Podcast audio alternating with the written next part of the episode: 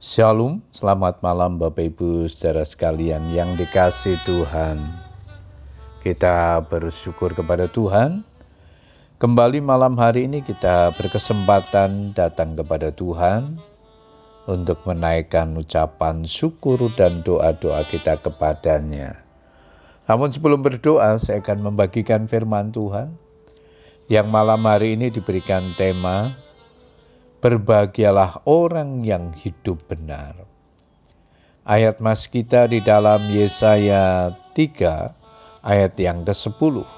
Firman Tuhan berkata demikian, Katakanlah berbahagia orang benar, sebab mereka akan memakan hasil pekerjaannya. Bapak Ibu saudara sekalian, sering timbul pertanyaan dan selalu menjadi pergumulan di dalam diri orang benar. Mengapa banyak orang yang tidak hidup dalam kebenaran tampak mujur dan tanpa masalah? Sementara kita yang tetap setia dan hidup dalam kebenaran sepertinya masalah tidak habis-habisnya. Tidak sedikit yang menjadi goyah dan akhirnya mulai melakukan kompromi rugi dan sia-siakah bila kita tetap setia kepada Tuhan dan mempertahankan hidup benar di hadapannya? Nabi Yesaya diperintahkan Tuhan untuk membesarkan hati orang yang tetap setia kepada Tuhan dan hidup benar di hadapannya meski berada di tengah-tengah angkatan yang tidak benar dan jahat. Sekalipun saat itu mungkin mereka harus mengalami tekanan atau penderitaan, tetapi hal itu tak akan berlangsung lama, sebab pada saatnya mereka akan tampil sebagai pemenang, dan ada upah yang Tuhan berikan. Karena itu, saudara-saudaraku yang kekasih, berdirilah teguh, jangan goyah, dan giatlah selalu dalam pekerjaan Tuhan Sebab kamu tahu bahwa dalam persekutuanmu dengan Tuhan, jerih payahmu tidak sia-sia.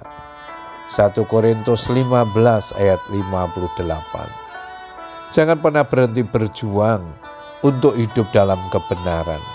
Sebab perjuangan kita tidak akan pernah sia-sia. Tuhan selalu perhitungkan.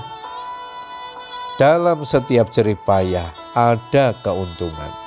Demikian nasihat Amsal 14 ayat 23. Mungkinkah hidup benar di tengah-tengah dunia yang semakin jahat ini? Tidak ada perkara yang mustahil bagi orang percaya. Karena di dalam kita ada roh kudus. Dia yang akan menuntun kita, menguatkan dan memampukan kita untuk terus berjalan dalam kebenaran. Tuhan ingin kita tidak menyerah begitu saja kepada keadaan. Tetapi kita harus terus berjuang karena hidup dalam kebenaran adalah sebuah proses yang membutuhkan ketekunan dan kesungguhan. Mengapa Alkitab menyatakan bahwa orang benar itu dikatakan sebagai orang yang berbahagia? Karena orang benar menjalani hidupnya tidak dalam keadaan tertuduh atau dengan rasa bersalah. Ingatlah bahwa salah satu pekerjaan iblis adalah mendakwa kita siang dan malam. Wahyu 12 ayat yang ke-10. Bapak Ibu Saudara sekalian, seberat apa pun tantangannya, tetaplah berjuang untuk menjadi orang benar.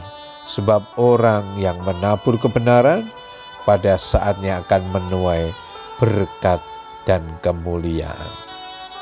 Puji Tuhan Bapak Ibu Saudara sekalian, biarlah kebenaran firman Tuhan yang kita baca dan renungkan malam hari ini membimbing kita untuk terus hidup dalam kebenaran dan takut akan Tuhan. Selamat berdoa dengan keluarga kita. Tuhan Yesus memberkati. Amin.